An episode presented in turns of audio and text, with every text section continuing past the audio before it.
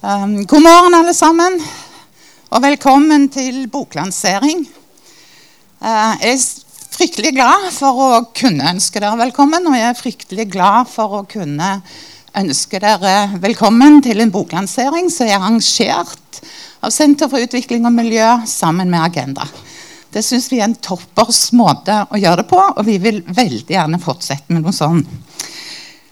Eh, bok, boken som lanseres i dag, eller så er A Do-Goodness at the End of Aid. Scandinavian Humanitarianism in the 21st Century. Som er redigert av to gode kollegaer på Zoom. Antoine Idena og Christian. Eh, og det er samling for ti ganske sånn interessante eh, forskere på tvers i Skandinavia. Og Den boken er opptatt av det vi kaller brand. Den norske merkevaren som på en måte sendes ut i verden, og som vi bruker ikke bare for å selge varer, som vi er vant med, men òg i utenrikspolitikk og i bistand. Boken er et produkt av et stort prosjekt som var finansiert i sin tid av UiO Norden initiert av Malcolm Langford og meg selv faktisk, fem år siden. Hvor vi var faktisk opptatt av jeg var opptatt av hvordan dette her ble brukt da, i utenrikspolitikken og i, i uh, bistand. For når man reiser rundt, så er det jo alltid sånn at jeg møter mye når jeg er ute, at vi, er, vi nordmenn er greie, altså. Vi er liksom gode. Og så lurer jeg ofte på hvor kommer det fra, for jeg syns ikke alltid at vi er så veldig annerledes enn alle andre som driver bistand ute i feltet. Men vi er allikevel gode. Og så har vi en utrolig sånn selvsikkerhet egentlig der ute på at det vi gjør, er i grunnen helt, helt riktig. Og I denne boken så får dere på en måte ganske mange gode eksempler på hvordan dette egentlig spiller seg ut. Og Man kan kanskje si at det handler om den totale spagaten. På den ene siden så er man god. På den andre siden så kjører man selvinteresser og politikk. Og så står man riktig, riktig godt og breispora og prøver å holde på begge tingene. Og Det er fantastiske eksempler på dette. Bl.a. et veldig tellende av svenskene som klarer å sende ut et bombefly i fredens navn. Og det må man kunne si er en god spagat. Vi har jo akkurat nå nylig òg sett en annen spagat, og det er vår egen nye statsminister som er Og det skjer på samme dag, så blir han altså versting. Fossilversting på samme dag, så han er verdens beste i å jobbe for klima. Så dette er det på en måte boken liksom handler om. Og politikken bak, og hvordan man manøvrerer for å stå i den spagaten. Og En av de andre tingene som kommer veldig tydelig fram, det er denne hva vi kaller en sånn stickiness. Altså at uansett hva man gjør, så er man fortsatt god. Så det er faktisk en morsom bok å, å ta i kraft med, og den er godt skrevet og morsomt skrevet. Og så er det òg en annen ting som jeg syns er utrolig morsomt. Da, og det eh, gjorde eh, veldig, åpnet veldig mye for meg Og forsto Det var liksom den pragmatismen som ligger til bunn i det som er norsk utenrikspolitikk. Altså, Vi går for det politisk mulige, vi. Og det er liksom greit. Men det er ikke alltid det gode. Jeg er veldig glad for at vi nå får mulighet til å snakke om denne boken i ikke-akademisk setting. Vi har hatt den før i en akademisk setting hvor man har diskutert begreper og hvor langt vi egentlig kom. Og alt sånt. Og nå gleder vi oss utrolig til å høre en diskusjon her.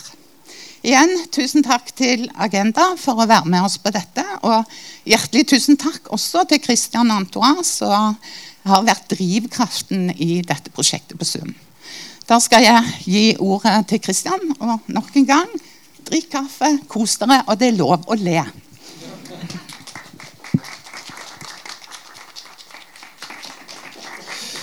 Tusen takk, Sissel. Eh, det var et veldig fint oppspark. Det var så godt at jeg lurer på om jeg rent har blitt overflødig. Men jeg skal prøve å si litt mer om, eh, om boka og om bakgrunnen for den. Som Sissel sa, så kommer den altså ut av et prosjekt ved Universitetet i Oslo som heter Nordic Branding. Og det i sin tur kommer ut av et, eh, en idé egentlig, som kommer fra den britiske markedsføreren og konsulenten Simon Anholt, som midt, sånn midt på 90-tallet lanserte et begrep om nation brands.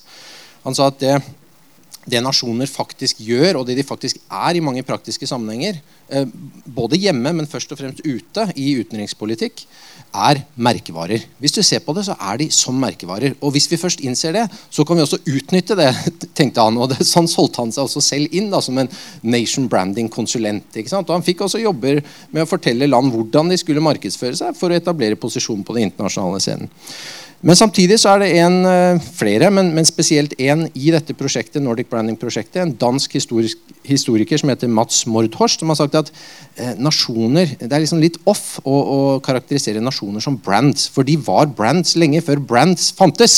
Så nasjoner er egentlig de or originale brands. Så Nasjoner kom først, og så var det noen som fant opp at vi kan brande den ene eller andre vare.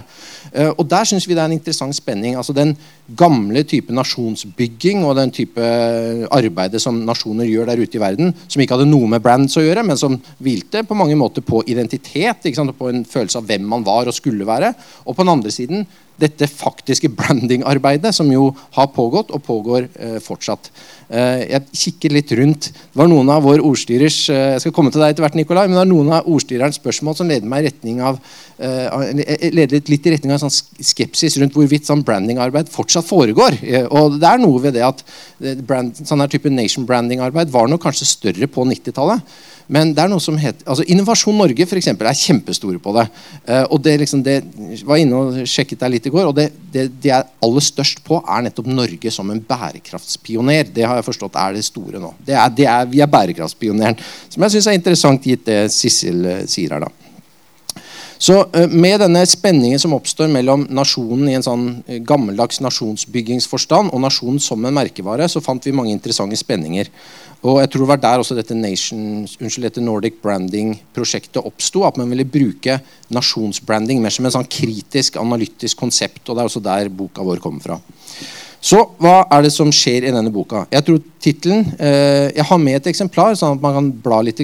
Men dere bør vite at den ikke er til salg, eller sånn, fordi den er gratis. Den er open access eh, tilgjengelig for alle. Så, så det, er, det er på, på en måte ikke noe vits å kjøpe den. Um, men men tittelen på boka, 'Do-Gooders at the End of Aid', skal jo da gi et lite hint om, om inngangen her. Altså, Do-Gooders forstår vi eh, som en type, eller også altså en nasjon, da, der handlingen betyr mer enn konsekvensene. En som setter selve handlingen og handlingsmotivet fremst. Du handler eh, godt fordi det er viktig for deg. Eh, selvfølgelig skader det ikke om konsekvensene også blir, blir de rette, men det er sekundært. Uh, og det er noen som har prøvd å liksom, forklare dette, utlegge dette ved å si at you do good to feel good. Sånn at uh, Ja, dere skjønner. Og dette er på veldig mange måter man skal ikke bli alt for kategorisk, men på mange måter så finner man igjen sånn der, en sånn type holdning i mye skandinavisk, og særlig norsk og svensk utenrikspolitikk, bistandsarbeid særlig, som har hvilt Den svenske er et veldig godt eksempel på det, som etablerte bistanden helt fra starten av på begrepet solidaritet.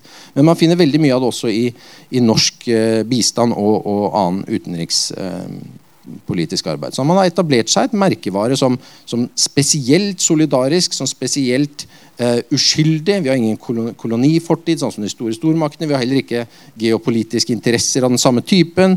Uh, vi var tidlig ute med bærekraft. Vi var, vi var liksom Eh, ekstraordinært opptatt av, av, å bekjempe sosial ulikhet, og, også globalt, sånn at vi, vi har en spydspiss i kampen mot fattigdom osv. Så sånn. Men så er det en del faktorer, og det er derfor vi har denne frasen 'at the end of aid', som man ikke skal ta altfor bokstavelig. bare så Det er sagt. Men det er en del faktorer som ser ut til å utfordre den tradisjonelle merkevaren. Eh, og Da kan man liste opp veldig mange. Vi har liksom valgt å fremheve noen. Og det er for at det over tid har vært et dette er jo kjent stoff for de fleste her, går ut fra, men at det har vært en bevegelse bort fra bistand og internasjonalt arbeid som en form for hjelp eller en form for gave. altså Bevegelse bort fra donasjon over mot investering. Og kanskje også mot interesser. Um, og så har det vært mer generelt en sånn geopolitisk forskyvning selvfølgelig, bort fra uh, den gamle sånn koloniale konstellasjonen, der hvor Nord-Atlanteren var særlig viktig nettopp som donorer, og mot Asia, særlig mot Kina. Eh, og da følger det også med en, en, del andre måter å tenke om internasjonalt arbeid på. Det har vært mer sør-til-sør-samarbeid, eh, sånn at nord-sør-aksen liksom har forvitret noe. Um, det har også vært det forskere eh, på vårt senter liker å kalle securitization. Altså at mer av det internasjonale arbeidet nå foregår under en sånn fane av, av sikkerhet. Det som før ble sett som liksom, masse forskjellige andre typer ting, blir nå sett som spørsmål om sikkerhet.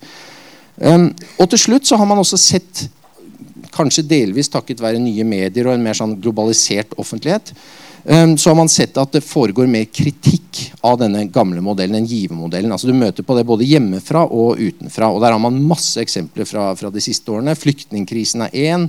Dette som Sissel nevnte, at, at, Norge på den ene siden går ut som, som vanlig hadde jeg nær sagt, og, og, hevder å være verdensledende innenfor miljø, men på samme dag så blir det erklært uh, 'fossil of the day'. Sånn at Den der type kritikk, den type motstand mot verkevaren, noen som forsøker å um, call out merkevaren, som de sier på, på engelsk, det møter man på uh, langt mer enn før. Og Dermed så oppstår det også uh, en ting vi har vært veldig Unnskyld. En ting vi har vært opptatt av, er at dette nå ikke kun er et spørsmål om hva som skjer ute. Eh, vel så mye så er det snakk om den trafikken mellom eh, hva som skjer hjemme og hva som skjer ute. Det er, det er ikke lenger noen sånn vantete skott mellom innenriks og utenriks. Eh, det er mye mer flyt, det er mye mer kommunikasjon, og spesielt kritikken eh, flyter mye mer over landegrenser. Og Der oppstår en del interessante spenninger og paradokser. nemlig det at man kan i mange tilfeller i hvert fall forsøke å fremstille seg selv som en bestemt type utenlands. Eh, men det vil ikke funke innenriks, for der kjenner folk seg selv. ikke sant? Sånn at Man kan forsøke å gi et visst bilde av Norge for eksempel, overfor amerikanerne eller overfor eh, afrikanske nasjoner.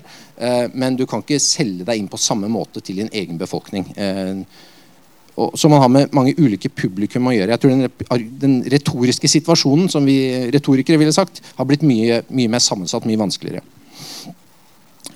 Um, jeg, det, det, er veldig mange eksempler på denne type situasjon. Som Sissel kalte en spagat. og Jeg skal ikke gå gjennom dem. Er, hvis dere er interessert, så kan man kikke i boka. Og hvis man er enda mer interessert, så kan man også kikke på det andre som Nordic Branding-prosjektet har, har, kommet ut med. For der er det flere tilsvarende tilfeller. Men, men altså, klimaområdet er et veldig godt eksempel. Jeg vet at Antoine kommer til å komme inn på vaksinesamarbeidet, hvor Norge har hatt en litt tilsvarende rolle med å være verdensledende og slått seg på brystet med å være verdensledende, men hvor resultatene ikke helt eh, har vært der de skal, kanskje. Altså Hvor man da åpenbart har vært god, men hvor konsekvensene ikke har vært eh, like sentrale. Så kan man spørre seg, eh, siden dette da ikke er et rom med akademikere, først og fremst, men med folk av eh, annen bakgrunn, hvorfor skal man utenfor våre seminarer bry seg om dette? Eh, jeg mener Det er mange grunner. Eh, og den aller viktigste vil jeg si er at den spagaten innebærer en sånn, eh, det vi vil kalle en avpolitisering. Altså det er i veldig mange av de tilfellene som vi er interessert i, sånn at man eh, hviler på merkevaren heller enn å diskutere konkrete forhold. Eh, I veldig liten grad blir eh, nordmenn, eller for den, saks, den, den, sakens del svensker eller dansker i, i, Sverige og Danmark, tatt med på en offentlig samtale om hva slags utenrikspolitikk vi skal drive. Det er i veldig stor grad et teknisk spørsmål som jeg tror også befolkningen er veldig fornøyd med å la ligge hos de tekniske spesialistene på det, men som ikke akkurat bidrar til at man får en åpen og kritisk og god samtale om dette. Um, ja, Det er mange grunner til å bry seg om det, men, men, eh, for oss så har det i hvert fall vært en av det viktigste. Og dermed også dette bidraget vi har forsøkt å gjøre her, eh, et lite bidrag til å forsøke å åpne den samtalen. Eh, og det er jo selvfølgelig også det vi håper å, å gjøre her i dag med dette panelet. Og dermed så overlater jeg til deg, Nikolai Hegertun, vår eh, tidligere kollega. Som, eh, som dere, kan se, dere, kan kanskje tenke deg litt sånn kompisaktig å få en tidligere kollega til å, til å fungere som ordstyrer, men han har jo gått over til den andre siden, tross alt. Så jeg tenker det, det, det, får, det får, være greit. Vær så god, Nikolai. Ja. Det er, det er, en kjent sånn westernfilm som heter The Good, The Bad and The Ugly.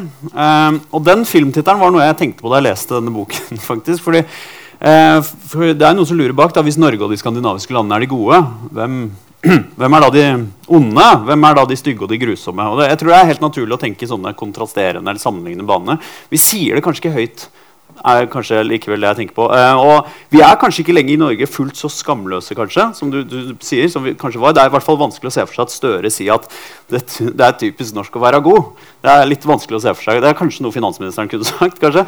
Men eh, Støre ville kanskje heller sagt at det er uh, imperativt å nærme seg de uh, sentrifugale geopolitiske spenningene med en omforent tilnærming som Ja, osv. Eh, når det er sagt, eh, så er det liten tvil om at denne boken treffer en nerve. Spesielt mellom den hjemlige eh, politikken og den utenriks- og utviklingssiden. Og jeg mener kanskje også et større og større paradoks. fordi jeg tror det var lettere å være god i gamle dager. som dere også sier. Altså, da kunne man øse ut og bistand, man kunne initiere fredsengasjement osv. Og, så og det, det, var litt det, da. Så var man god. Men nå, er det liksom, nå følger folk mer med. ikke sant? Både hjemme og ute. Folk har lest antropologi og sosiologi og osv. Og, så og vi har en universell utviklingsagenda, og det er vi litt opptatt av. da. Og uh, i, i Norad sånn, altså, Nemlig at utviklingsbidrag måles på mye mye mer enn bare sjenerøsitet på bistand. Og da begynner det å sive ut litt ting som dere har begynt å mm, påpeke.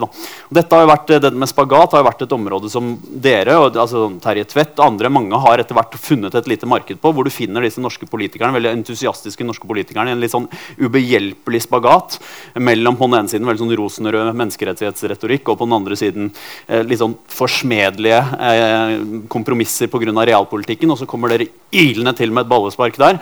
Eh, og, og det er jo, men dere sier jo, dere utvider jo denne analysen til Tvedt og sier at det er kanskje noe som det, det, akkurat det ballesparket det gjør litt vondt, men det er kanskje litt uh, viktig for oss òg. fordi det sier at ok, ja, vi, dette gjør vondt, men vi må komme oss tilbake der vi er egentlig, det gode. Eh, og, og det, det, er veldig interessant med denne boken. her. Så dere ser på hvordan vi lever med hykleri, hvordan det avsløres, og hvordan vi har også utvidet denne godhetsverktøykassa. og Det skal vi snakke litt om nå. For så promoterer jo vi også vår fortreffelighet nå i større grad gjennom policy av ja, en hel samfunnsmodell. ikke sant? Eh, vi, sånn som denne nye plattformen til regjeringen nå skal jo også snakke om det. Hvordan liksom, eh, trepartssamarbeid og vår samfunnsmodell skal hjelpe andre osv. Det er interessant. Så nå skal vi, Jeg gleder meg virkelig til å diskutere dette her. Og vi skal få opp panelet. Dere kan gi en applaus når det er kommet opp. Det er Kari Helene Partopoli, generalsekretær i Plan.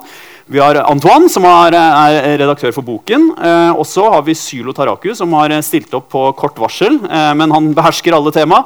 Eh, og så har, har, vi Bjørg Sandskjær, som er statssekretær i UD for Senterpartiet. Gi dem en applaus. Velkommen.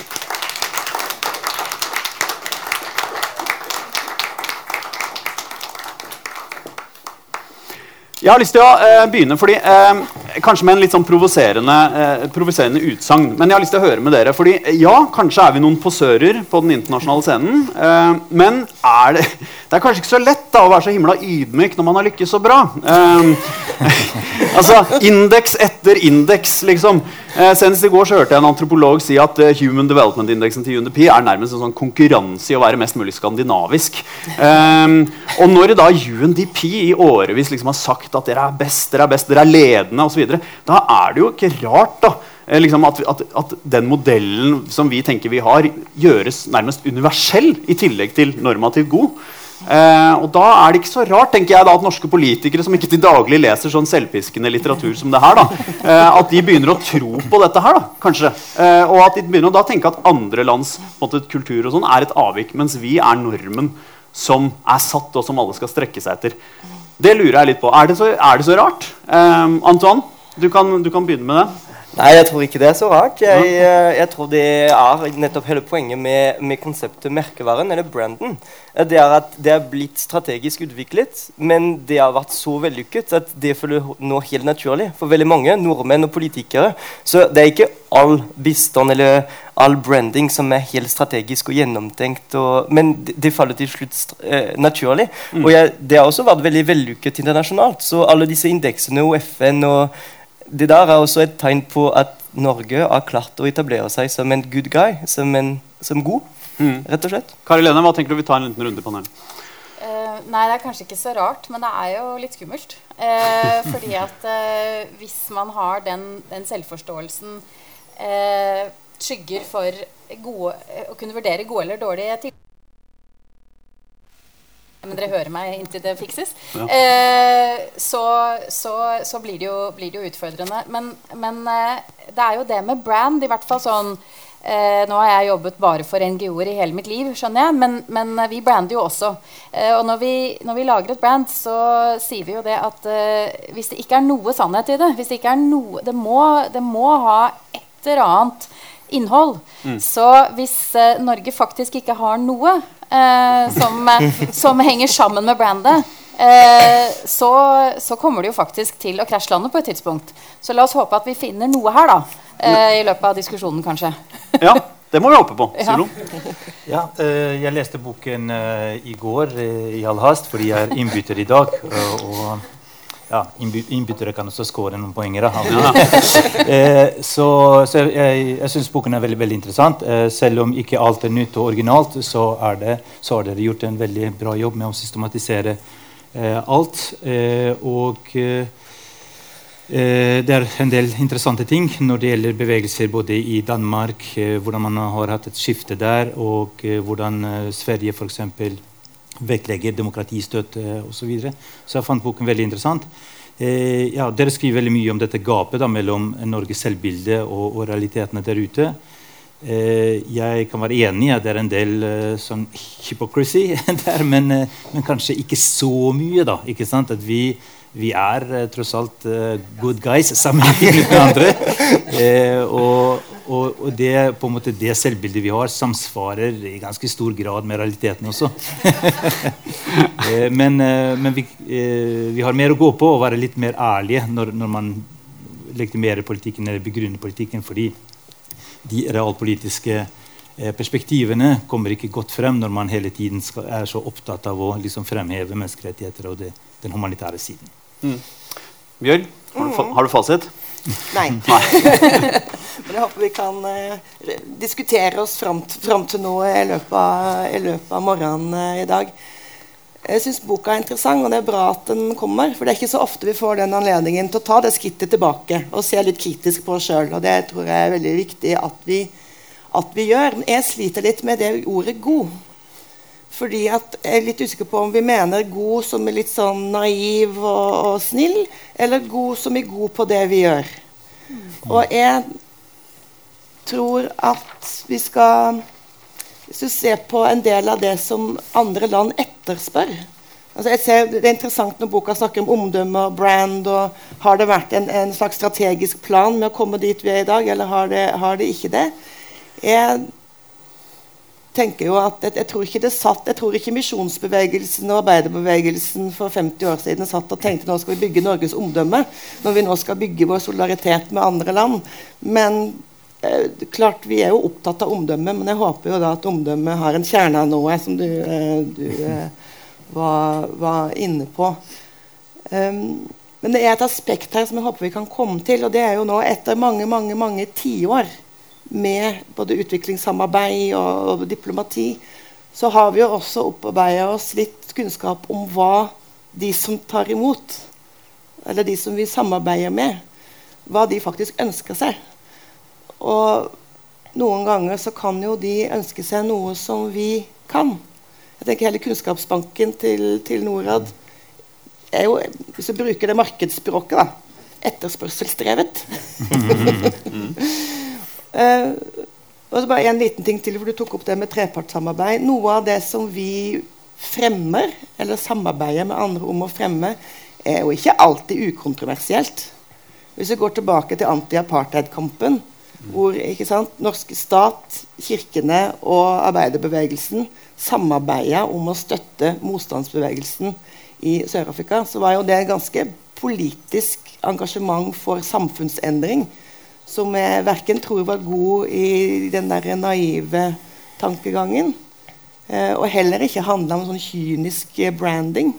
Det handla om at man faktisk ville ut og, og realisere noe man syntes var riktig og rett. Og bidra til en samfunnsendring som også var kontroversiell. Heldigvis mindre og mindre kontroversiell etter hvert. Ja, det var litt sånn spredte tanker om ja. Eh, Nei, men fordi, uh, litt å spørre dere, hva, hva, er det, hva, er det, å være en, en god stat? Hva Har dere noen tanker om det? Fordi altså, måten man holdt på å si innholdsfylle god, kan jo skifte. Eh, og hvor, altså sånn, det, det kommer tilbake til det du sa i starten. Hvor gjennomtenkt og strategisk er det? Eh, jeg har lyst til å spørre om dere overanalyserer litt her. Er det ikke bare helt naturlig for en liten og rik stat i en veldig skummel verden å, å innta denne rollen? Og håpe på liksom, at det, det, går bra? Fordi altså, det er jo mange sånn uh, Neumann og disse Carvalho og Leira som har pekt på liksom, at ja, vi har bare ikke disse andre virkemidlene til, som store stater, sterke stater har. Så det, vi må bare spille, spille på det vi har. Eh, så da er kanskje det kanskje litt fint å være god, da. Hva, tenker du om det, Antoine? Jo, absolutt. Det, og jeg tror det var veldig viktig for Norge etter uh, slutten av den kalde krigen i 90-tallet å, finne en måte å komme seg opp ja, og, finne, og eksistere på den internasjonale scenen. Men jeg tror det boka peker på, er ikke bare disse utenlandske brandingen. Det er også at uh, her er det noe som skjer nasjonalt med identiteten fra eh, nordmenn. Og, og, der å være god er så Du får en stempel. altså Det er logoen fra merkevaret 'Vi er god'. Og du investerer så mye følelser i det at du, det er veldig vanskelig å gjennomføre en politikk som ikke set, uh, altså, følger de standardene da, fra merkevaren. Så når du blander inn en del egeninteresse i bistand, noe som jeg tror er ganske ukontroversielt å si, at det skjer, så er det uakseptabelt. Fordi man forventer å bare gjøre det moralske og hjelpe verdens fattigste.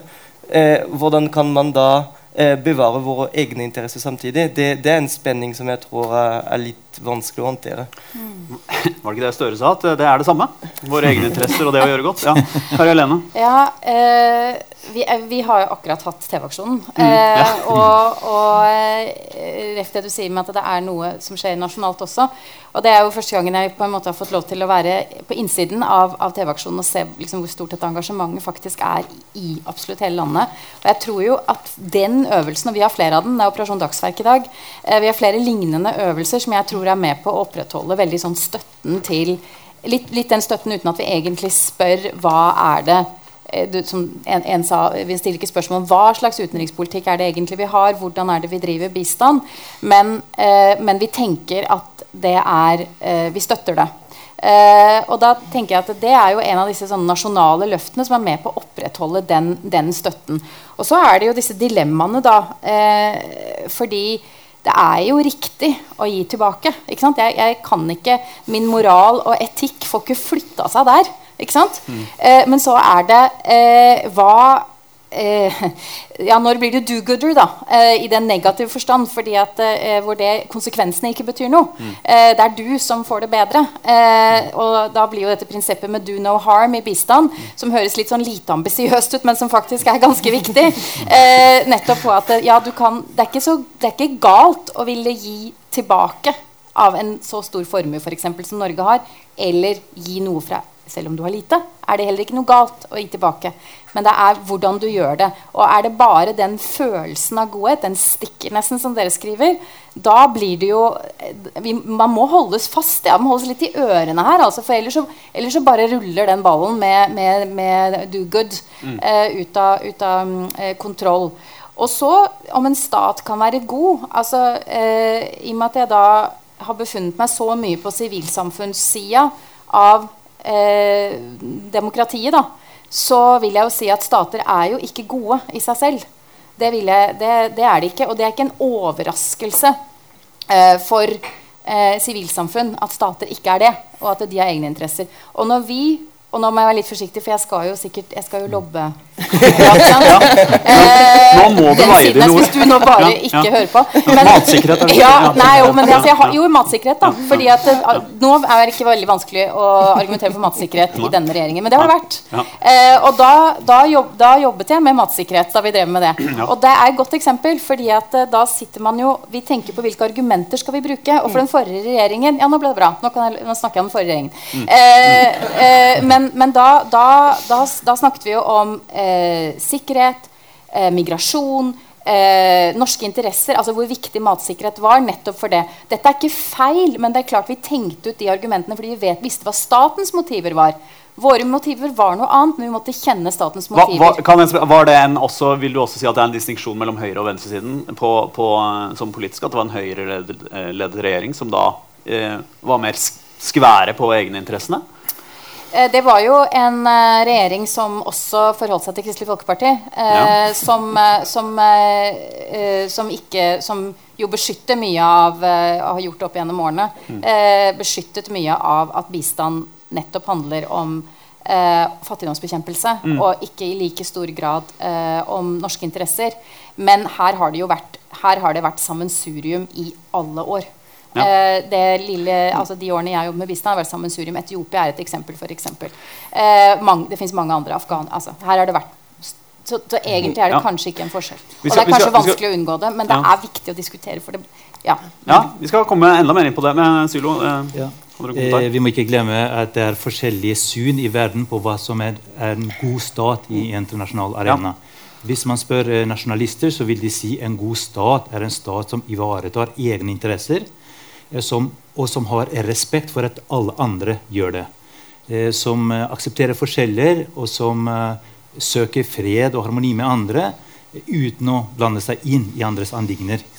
Liv and let live, eh, på en måte eh, filosofien der.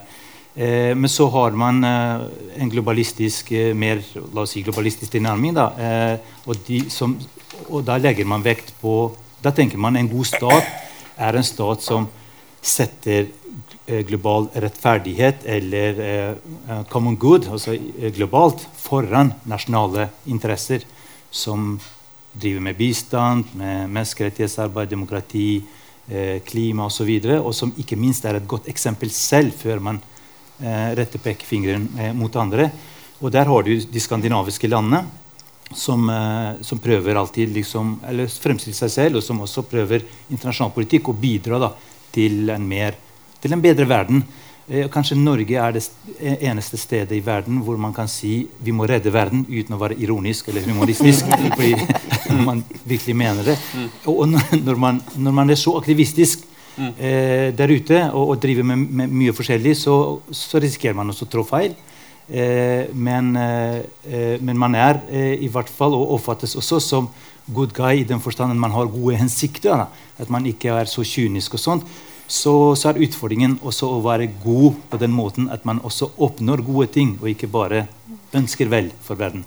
Men, men kan jeg spørre, fordi um, uh, for I boken så løftes det frem at uh, vi- ofte promoterer oss som gode. Uh, men så ser dere, er vi kanskje ikke så gode likevel. Vi er kanskje litt hykleriske osv. Men kan det rett og slett være at vi er litt spaltet? At vi er litt schizofrene? Altså, jeg, jeg lurer på fordi altså, Utviklingsministrene og, og ja, sånn, ja, den gjengen der vi tror jo selvfølgelig genuint på at vi er en humanitær stormakt, kanskje. kanskje. Men i hvert fall at vi, at vi bistår mer enn de aller fleste. Sånn som dere siterer Ulstein på osv. At, at, at de ser ut til å tro på det. Så, og Samtidig så virker det som om ikke det har noen særlig innvirkning som du kan komme inn på også, på helsepolitikken, som er mer normal. Hvor interessene råder, og, og, og vi karrer til oss vaksiner osv. Eh, så, og så viser dere oss til undersøkelser som viser at eh, folk flest, og, og kanskje politikere også, er 100 for vaksinesolidaritet. Det virker som vi er 100% for å karre til oss også. Eh, altså, jeg, jeg, jeg lurer på det. Altså, kan det være at eh, Er det et svar på dette her? Hvorfor vi Bjørg, kan ikke du tenke Kan ikke du svare på det? Jeg satt og tenkte på Jeg skal komme inn, satt, komme inn på det, men jeg satt og tenkte litt på noe av liksom, premisset for debatten som vi har. Ja. Vi stiller opp noen, eh, noen motsetninger som, som blir veldig sånn, skarpe motsetninger, når kanskje virkeligheten er sånn at det er litt av alt samtidig. Sånn som du var, var inne på. Og så må vi på en måte håndtere og navigere det landskapet. Og prøve å lande riktig. Eh, og det ble sagt, jeg tror det var du Kristian, som sa i innledningen som, altså den med Tenk at norsk bistand er bygd på solidaritet. Det hørtes nesten ut som det var negativt. og det er det at vi kommer inn med en, en bakgrunn som, som At vi ikke har den tunge kolonihistorien, f.eks. Så mange av de andre landene som gir bistand, som vi treffer i forskjellige sånn, fora internasjonalt. Det, at vi, altså det ble nesten sagt som om det var noe negativt jeg skal, kan jo driste meg utpå det og si at ja, det er jo bra. det er jo noe av det som gjør at andre land har den tilliten til oss. At vi blir invitert til å være med og megle eh, i fredsprosesser. Og vi, får, vi blir ofte bedt om å koordinere hvis det er flere givere sammen som skal, skal inn i en sammenheng. For eksempel. Fordi mange på, på, av de som vi jobber sammen med, har mer tillit til at vi vil i hvert fall lytte til alle sider og være en slags honest broker, som er et uttrykk man ofte bruker om, om oss i den sammenhengen. Og det har jeg opplevd at er på en måte en, eh, det stemmer. At Norge blir sett på sånn internasjonalt er riktig. Og så kan du spørre er det noe en rolle vi kynisk utnytter. Jeg tror nok alle er klar over at vi har den rollen. Jeg tror ikke vi bygde den kynisk. Men at vi vet det. Og så vet vi jo en ting til, og det er heller ikke noe verken jeg eller Senterpartiet har sagt, men flere skiftende regjeringer har sagt, at Norge som lite land, som du var inne på, altså vi er jo helt helt avhengig av en verdensorden hvor de andre som deltar, spiller på lag og spiller etter regler. Og ikke at det er liksom hvem som har de største musklene, som, som vinner. Så sånn sett så har vi jo en egen interesse mm. av å fremme en, en, verdensorden hvor folkeretten respekteres, og, og man har et, en viss tillit til hverandre, at man kan snakke sammen når det skjer problemer. Mm. Så, så, ja.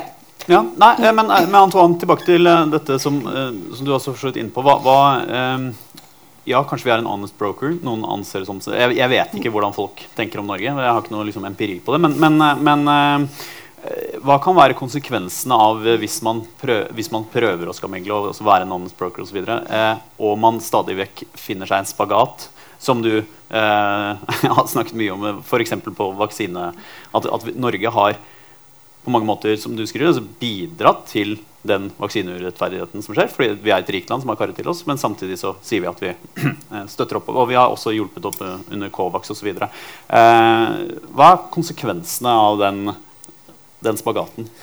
Hva er risikabelt med det? Jo, det er selvfølgelig risikabelt. Det blir uh, en sånn backlash på Brandon når det, det, spenningen blir for stort. Jeg tror Tidligere var det lettere å drive på sånn, fordi den koblingen mellom nasjonalpolitikk og internasjonal politikk var kanskje ikke så sammensatt.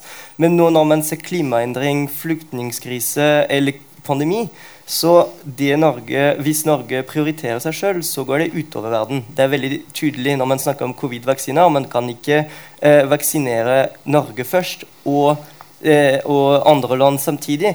Og hvis man husker debatten i Norge for bare ett år siden, så var det faktisk Trygve Slagsvold Vedum som sa at vi burde ta ut 700 000 doser fra Covax som skulle gå til fattige land for Norge. For de har handla det om å sikre sine egne selvinteresser.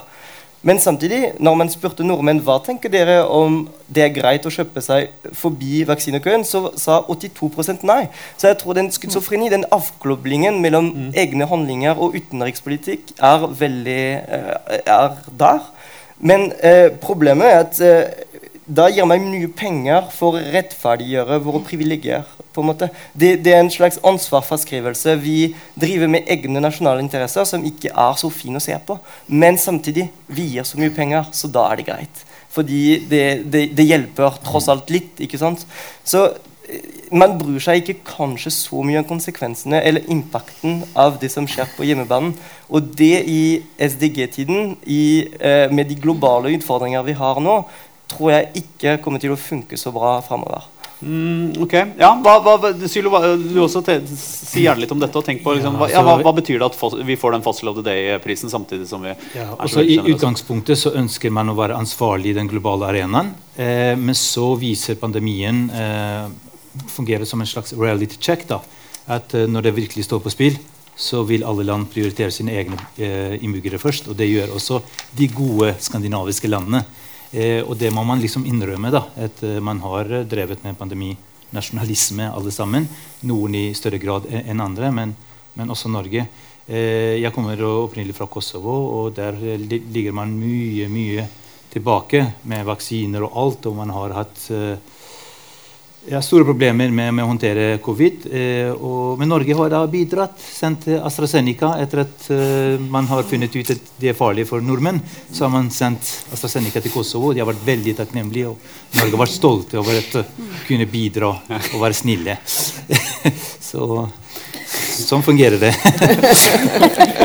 ja, så, ja, Bjørg. Eh, det ble litt Ja, nei, jeg tenkte på trekker, det, det, er noen paradokser her. Skal ikke late som, eh, skal ikke late som noe annet.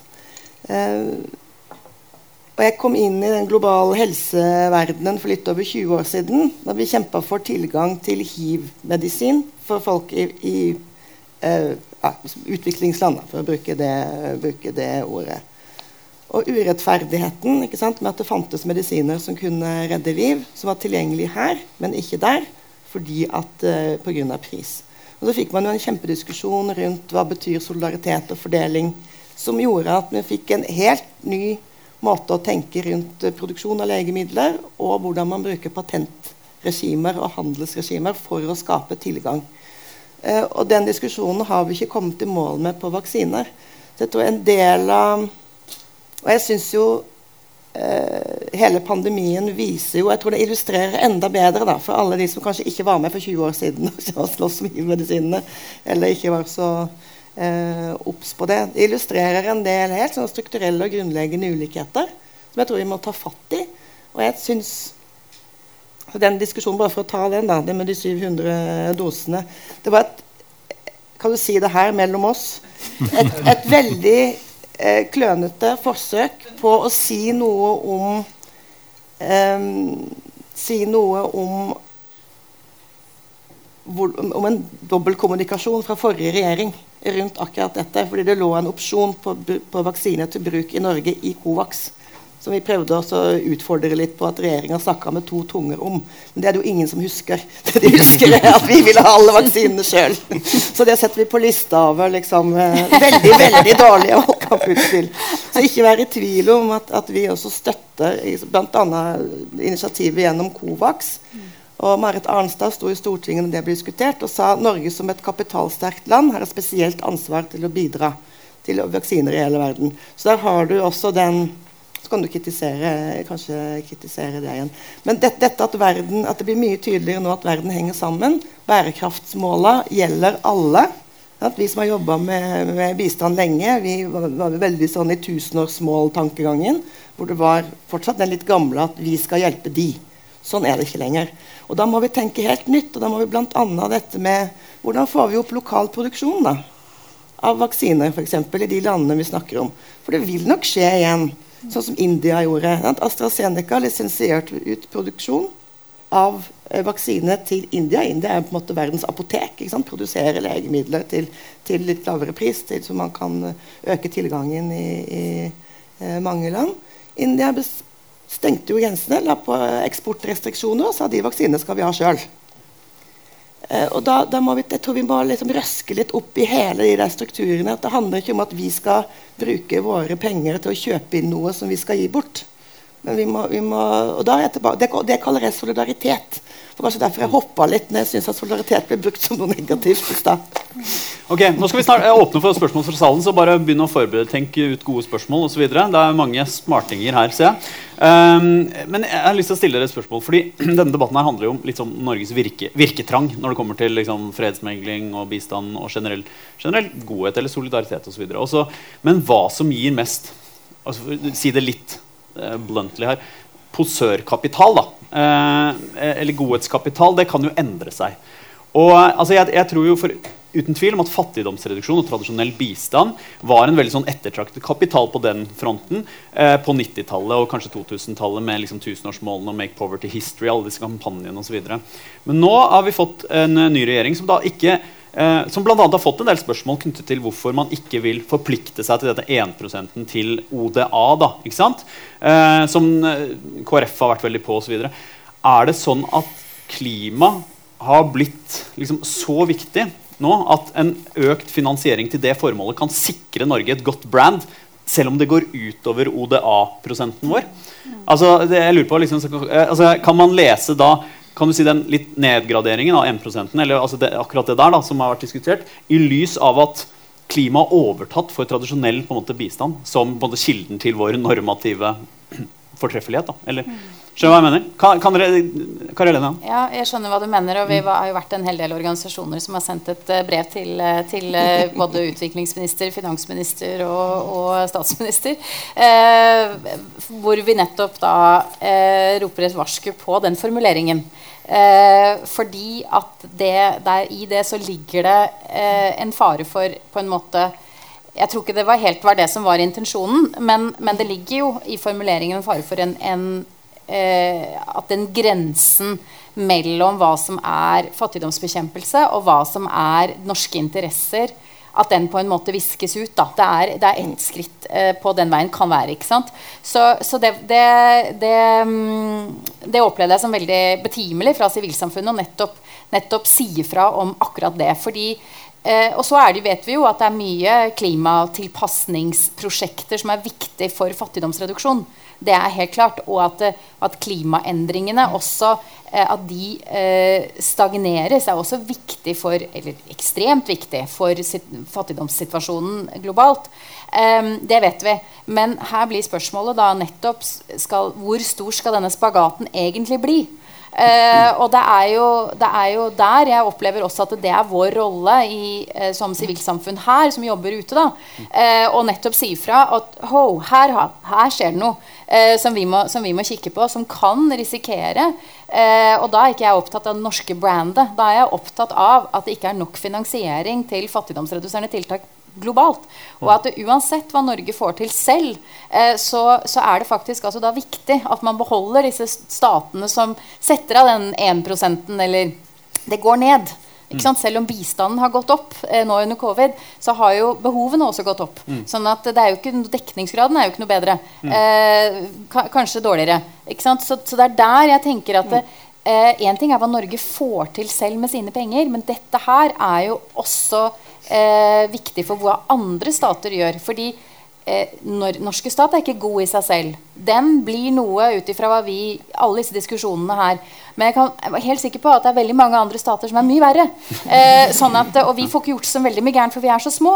Eh, sånn at, eh, og vi har ikke en, en militærmakt, der, men det er, det er verre. Altså, det er noe med at de norske politikerne snakker med de amerikanske politikerne. De snakker med britene. De snakker med, ikke sant? Sånn at, eh, derfor er det viktig for oss eh, og si fra til dere at eh, nei, her må dere, denne formuleringen må dere se på. Eh, ja. Mm. Du skal få lov til å svare på det også, Birger. Det, det, er bare å re rekke opp hånden. Her, her, er det flere som eh, Ja, og vi har en mikrofon her også, så kan du ikke bare gi den til førstemann som rakk opp hånda der også. Eh, Bjørg, har du lyst til å svare på det, eller? Ja, mm. jeg tror og det er jo en del av hele den debatten som uh, boka som vi snakker om i dag, er en del av. Og den, den internasjonale debatten også går jo på innretningen på utviklingssamarbeidet. Og er det sånn, for det, er, det, det handler om, er jo denne kategorien, altså måten som OECD, DAC, definerer bistand Oda. Jeg regner med folk i salen her de kjenner godt til disse. Og vi som har sittet i Norad og prøvd å kode bistandsprosjekter, om det er Oda eller ikke, is it dackable? ikke sant? Vi vet at noen ganger så blir de kategoriene trange, og de kan gjøre at det blir vanskelig for oss å få gjort det vi vil, eller til og med å få gjort det samarbeidspartnere vil. Så tanken med formuleringen er ikke å begrense bistand. Jeg tror det, og det var veldig betimelig å få et det henvendelsen fra sivilt samfunn, for å være veldig, veldig tydelig på det. For Da kan vi også svare at det har aldri vært hensikten. Hensikten er nok heller å ha den diskusjonen om hvordan innretter vi nå vårt utviklingssamarbeid i en ny tid, hvor vi har bærekraftsmål, vi har en del utfordringer eh, som er globale, og som vi må se på hvordan vi møter sammen. Sånn at jeg vet ikke om det var noen her som hørte utviklingsministeren på Politisk kvarter i går. fordi det var, Dette er jo en debatt som som går, og det skjønner jeg, skjønner jeg godt. Um, nå er jeg litt ny i denne regjeringsapparat. Det er noen, det, det er noen ting du uh, må, må, vente med å si til noen andre har bestemt det. men, men, men, eh, men, eh, jeg kan i hvert fall bygge på det utviklingsministeren sa i går. Og si at for, for 2022-budsjettet så, så, budsjetterer vi med 1 um, Og så håper vi på å ha den konsultas gode konsultasjonen på hvor vi skal lande sant, på innretningen framover. Ja. Ja. Eh, fint. Eh, da, da, tar vi noen spørsmål fra salen. Så Melby. Dere kan si hva dere heter, og så komme et kort og Jeg heter Hans Petter Melby. Jeg, jeg, skal bare komme med en saksopplysning mens dere andre finner spørsmålene i notatene deres.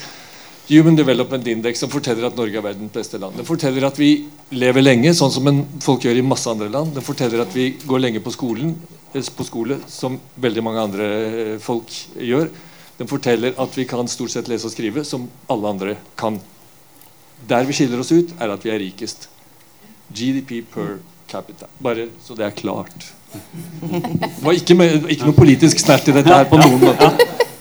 Så til de mer faglige spørsmålene fra andre.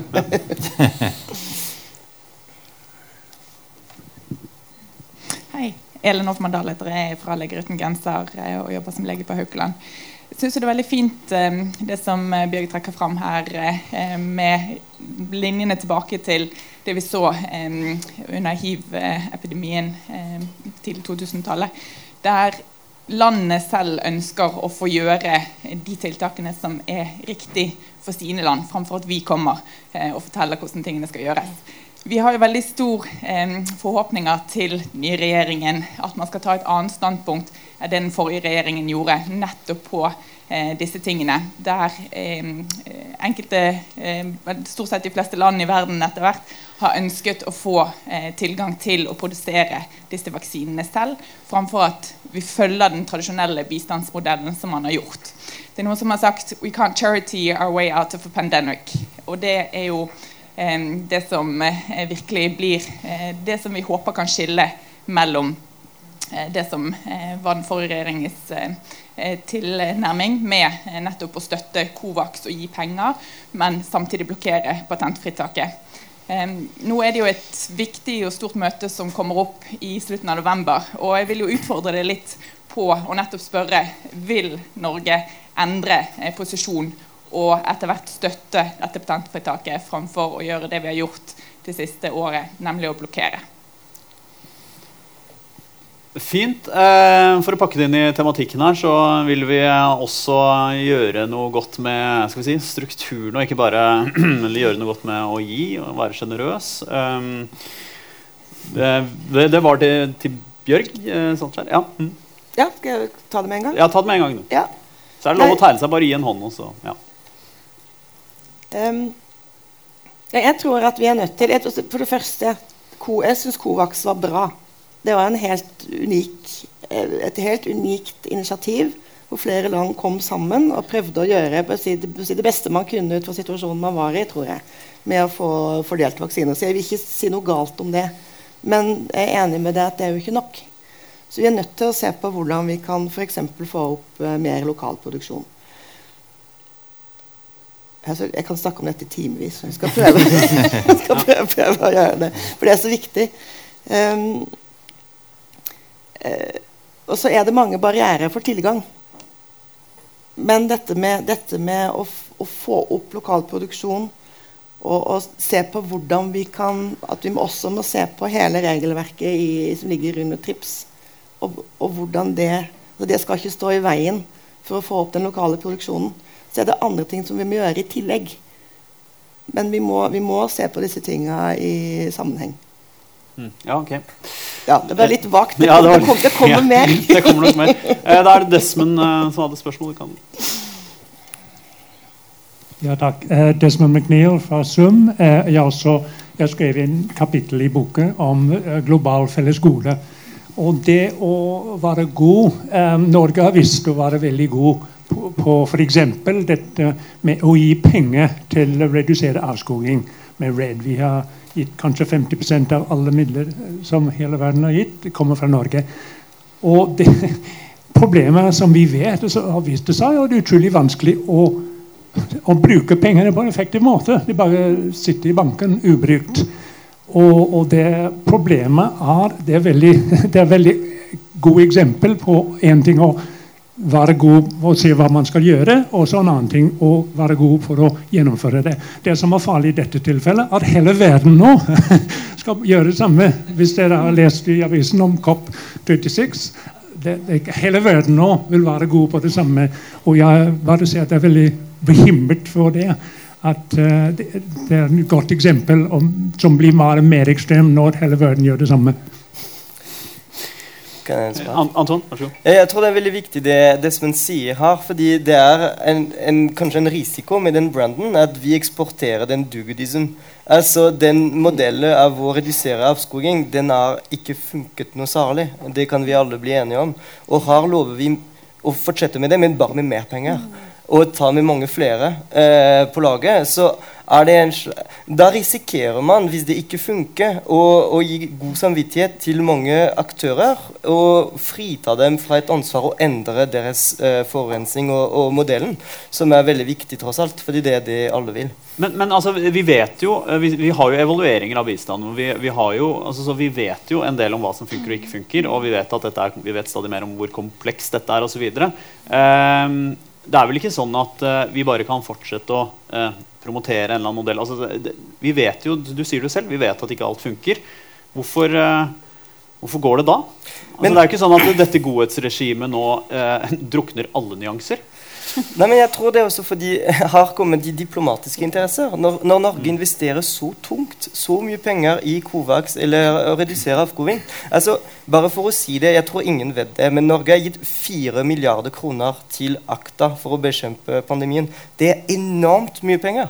Og det er ikke lykkes noe særlig. Men hvis vi ikke tar den, den diskusjonen og sier ok, eh, det funker kanskje ikke så bra, her risikerer man at Norge vil bare bevare den investeringen og gjøre alt de kan for å fortsette med det samme. fordi ellers så er det en diplomatisk nederlag. Det, det kan man ikke godta som en regjering. Det skjønner jeg veldig godt. Men her er det veldig viktig å kunne være ærlig og kanskje si, som du gjør nå det, det er ikke nok, vi må gjøre noe annet og, og gå i en annen retning. Jeg tror det er veldig, veldig viktig å være bevisst og klar over at Norge er ofte en ledende rolle veldig sterk til å få folk rundt bordet. Det er den pragmatisme vi snakker om. Og der har man et veldig stort ansvar for å sikre at det ikke bare er diplomatiske interesser som gjelder, men at vi faktisk oppnår noe bra. Ikke den minimum, men også prøver å leve opp til de idealene og til den retorikken som man bruker i disse globale fora. Sylo, jeg har lyst til å spørre deg også, jeg bare om, mot slutten her, altså, er det sånn at Vi vi har vært opptatt av at bistand skal være ren og, så, og, så videre, sånn, men, men, boken dokumenterer jo også at liksom, utenrikspolitikk blander seg inn i, inn i bistand. Du har oljepolitikken blander seg inn i klimapolitikken. Eh, du har eh, hensyn til velferdsstaten og innvandringsskepsis som blander seg inn i asyl- og flyktningpolitikken. Torbjørn Røe Isaksen sa nylig at uh, han mener vi må forstå hvor absurd liberale vi var i innvandringsdebatten på 1990-tallet. Har vi har vi begynt å forlate eh, godheten? Eh, og, og, har vi endret oss egentlig over de siste, siste ja, Godt spørsmål, uh, fordi vi har ikke dekket akkurat uh, den biten der med, med, innvandring og migrasjon, som også er en stor del av, av boken, for vi har snakket mye om, om bistand her. Også, jeg kom til Norge som asylsøker, eh, og grunnen til det er at eh, Norge en, eh, hadde en bra branding. så når politiet spurte meg om eh, hvorfor uh, jeg kom til Norge, så fortalte jeg om de grunnene. Det var krig i Jugoslavia og sånn. Og så sa de hvorfor akkurat Norge? Eh, og da eh, Jeg var litt uforberedt på det spørsmålet, så jeg var nesten frist til å si at jeg er pga. a-ha. Fordi jeg er stor fan av gruppen a-ha. Tenkte at siden man lager så god musikk, så må det være et godt land å bo i. Men, eh, men jeg så sånne ting som ja, jeg kom til Norge fordi jeg har hørt pene ting om Norge. At Norge respekterer menneskerettigheter og setter humanismen høyt. Eh, og jeg tror politimannen ble glad for det. fordi man, Den gangen så var Norge veldig opptatt av å fremstå som humanitær stormakt. Eh, ekstremt opptatt på 90-tallet. Eh, og da likte man at, at, man hadde et godt rykte blant utlendinger som meg. Men nå ville man vært bekymret hvis en asylsøker kom og sa at Norge har et godt rykte der ute. Fordi man har, en, har vært veldig opptatt av å sende signaler som virker avskrekkende. Så der har det skjedd en stor endring i, i skandinaviske land. Sverige fortsatt tviholder på den brenningen der, at de ønsker å være champions når det gjelder migrasjon og flyktningbeskyttelse. Og sånn. Eh, og når de strammer inn, så, så gråter ministre foran kamera fordi sant, de signaliserer at vi gjør det med tungt hjerte. Verden er vanskelig. Eh, det er veldig eh, vanskelig å akseptere for, for skandinaver. Og, men også skillene. Også skandinaviske land, Danmark, Sverige og Norge er veldig like som land. egentlig skulle ikke hatt så store forskjeller på ankomster. Men når det er så store forskjeller, så handler det nettopp om branding. Sverige mottar flest. Eh, Danmark minst, og Norge midt imellom. Danmark har vært, eh, Sverige har hatt en sånn policy. Resten av EU må, må, bli som oss. Må bli like snille. For da, eh, da avtar presset mot oss hvis de også blir som oss. Da. Og de har hatt migrasjonskommissærer og sånn som har hatt eh, svenske eh, standarder som utgangspunkt for å liksom gå enda mer progressivt ut i Europa. Det har ikke fungert så bra. Eh, og så har Norge har hatt en policy om at vi må ikke skille oss veldig ut som snille. Vi må liksom være blant de snille, men ikke sånn mer snille de andre. Mens, det. mens, mens Danmark, fordi da får vi uforholdsmessig mange asylsøkere hit, mens Danmark har tenkt eh, ja, vi må kanskje fremstå som strenge eh, for å virkelig sende en signal om at ikke kom hit. Eh, og, og denne signalpolitikken faktisk eh, har, har virket. Eh, men i, i Norge så har vi i hvert fall blitt litt mer ærlig når det gjelder asylpolitikken. For, kanskje den nye regjeringen også. fordi før så har man begrunnet innstramninger alltid humanitært. ikke sant? Eh, eller at vi strammer inn fordi vi ønsker at de med beskyttelsesbehov skal komme, mens de med grunnløse ikke skal komme. Eh, moraliteten vår vi ønsker å redusere antallet som kommer. det er det som var realitetene. Og det sier man mye mer ærlig nå, da. Mm. det, Vi er, vi er dette er nødt jo ikke bare til signalpolitikk, det er også, det er jo også selve asylpolitikken. Altså, Danmark Ja, er jo strengere, så det er jo Ja. Faktisk vanskeligere å komme inn. Ja, og vi er nødt til å avslutte der. Vi, det var interessant, eh, jeg synes det var veldig interessant. Det viser seg eh, I løpet av denne samtalen her, så tenkte jeg på at eh, vi har gitt bistand veldig lenge og mye. Fordi eh, kanskje, altså, vi har hatt det bra. Dere var inne på det. Vi, er, vi har vært rike. Men når det kom til pandemien, så var det plutselig en situasjon hvor vi manglet noe helt grunnleggende, vi også. Og, og det virker som om vi var eh, nøye på å sikre oss det. I, men da kan vi også på en måte være altså Vi kom i en situasjon som kanskje avslørte noe. altså Da kom det the, the true colors fram, kanskje. At vi også er nokså pragmatiske på, på, på det feltet. Men eh, jeg tror vi må gi oss der. Vi kan fortsette samtalen, selvfølgelig. Men eh, jeg ønsker at eh, dere kan gi en stor applaus til dette panelet. Og takk for i dag.